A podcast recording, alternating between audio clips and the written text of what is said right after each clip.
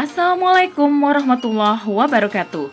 Di sini Dewi Nasjak kembali menemani sahabat podcast Narasi Pos Media dalam rubrik opini dengan judul Intervensi asing dalam kerangka program penanganan pandemi berkedok kerjasama oleh Wita Saptarini. Indonesia kini tengah menjadi sorotan dunia sebagai epicentrum baru COVID-19. Beberapa media asing mengulas situasi wabah di tanah air, di antaranya seperti dilansir surat kabar Amerika Serikat dalam artikel berjudul The Pandemic has a New Epicenter Indonesia. Situasi kegetiran lain dalam negeri pun menjadi sorotan, seperti dilansir bbc.com, Dying Alone in Indonesia's Grim Battle with COVID-19. Bagaimana tidak, situasi ini tentu berhasil mengalihkan perhatian dunia. Pasalnya, media asing ini membandingkan Indonesia dengan negara berpenduduk padat di belahan dunia, seperti Brazil dan India, yang notabene menjadi bagian negara pemegang tongkat estafet epicentrum.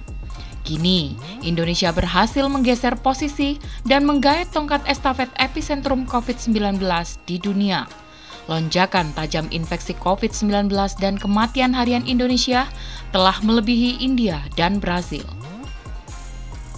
Kolapsnya fasilitas kesehatan, kenaikan angka kematian nakes dan dokter, krisis pasokan oksigen, hilangnya sense of krisis dari para pemangku kebijakan, serta merebaknya konflik horizontal di tanah air tak lepas dari sumbangsih intervensi asing atas nama program penanganan pandemi. Semakin menohoknya, intervensi asing ini dikuatkan dengan fakta terbaru bahwa Indonesia dan Amerika akan menggelar latihan militer bersama di tengah pandemi dan pemberlakuan PPKM. Dilansir detik.com, ratusan tentara Amerika tiba di Palembang untuk latihan Garuda Shield, di mana tujuan kedatangannya diklaim untuk meningkatkan kerjasama dan kemampuan TNI Angkatan Darat dengan Angkatan Darat Amerika Serikat dengan materi latihan staff exercise, field training exercise, live fire exercise, medical exercise, dan aviation. Latihan ini disebut menjadi latihan terbesar dalam sejarah kerjasama keduanya. Tak dipungkiri, Adanya fakta ini merupakan bentuk penjajahan berkedok kerjasama sekaligus mengonfirmasi betapa kuatnya campur tangan asing dalam mengokohkan kapitalisme global. Semestinya, pemerintah mewaspadai bahaya tekanan dan intervensi asing dalam beragam aspek. Terlebih di era pandemi, banyak kepentingan kapitalistik Amerika yang didesakkan di berbagai negeri dengan kerangka program penanganan pandemi yang terbukti menyengsarakan rakyat dan banyak menghilangkan nyawa.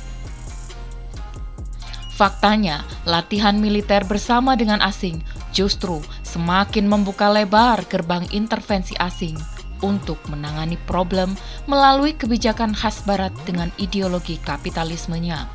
Dengan memegang kunci kekuatan militer negara yang dibidiknya, tentu membuat mereka semakin leluasa dalam mengoyak kedaulatan negara tersebut.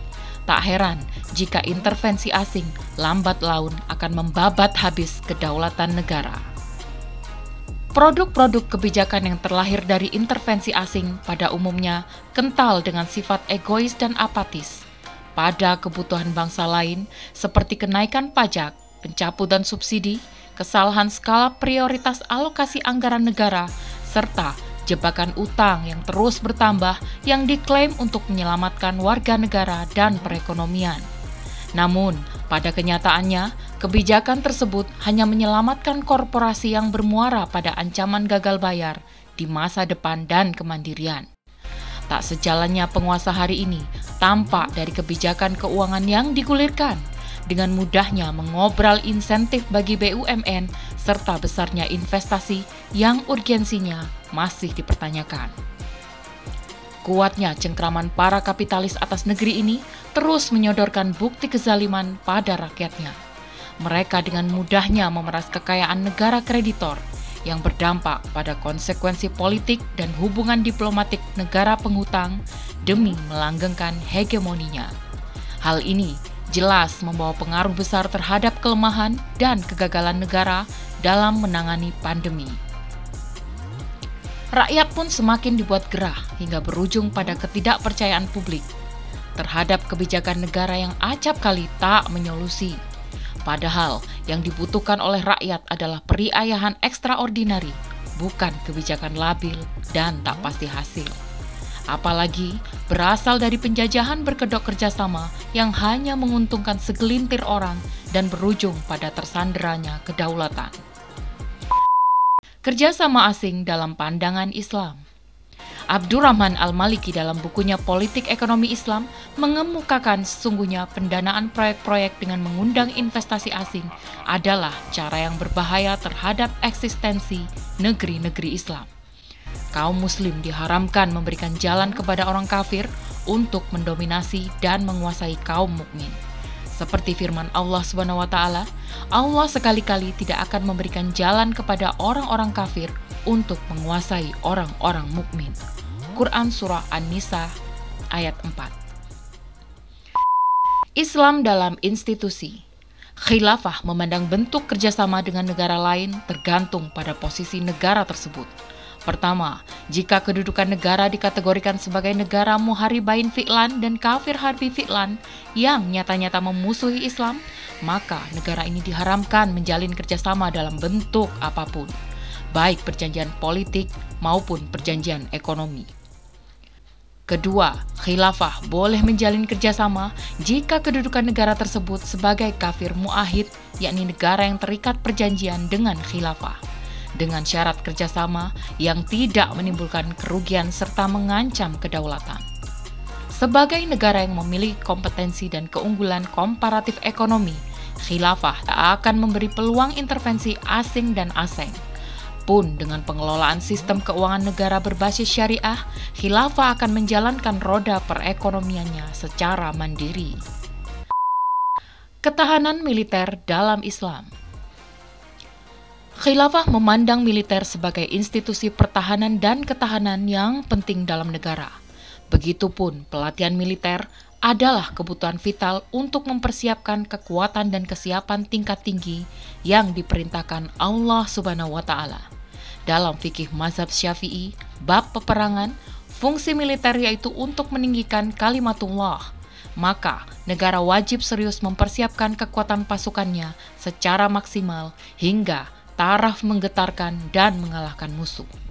Selain itu, Islam akan mengarahkan militernya agar sungguh-sungguh memberikan perhatian pada pelatihan tempur dan melakukan berbagai kesiapan militer secara mandiri tanpa campur tangan negara lain.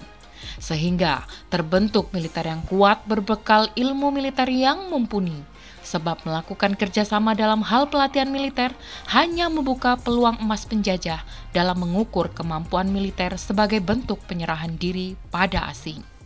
Dengan demikian, periayahan ekstraordinari akan terwujud ketika Islam diterapkan sempurna dalam institusi khilafah.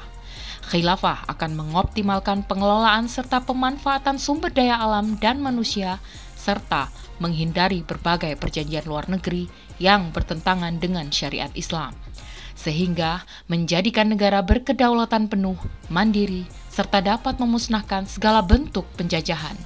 Akhirnya, khilafah akan tampil sebagai bangsa yang disegani dan mampu berdiri kokoh tanpa adanya intervensi asing. Wallahu a'lam bishawab.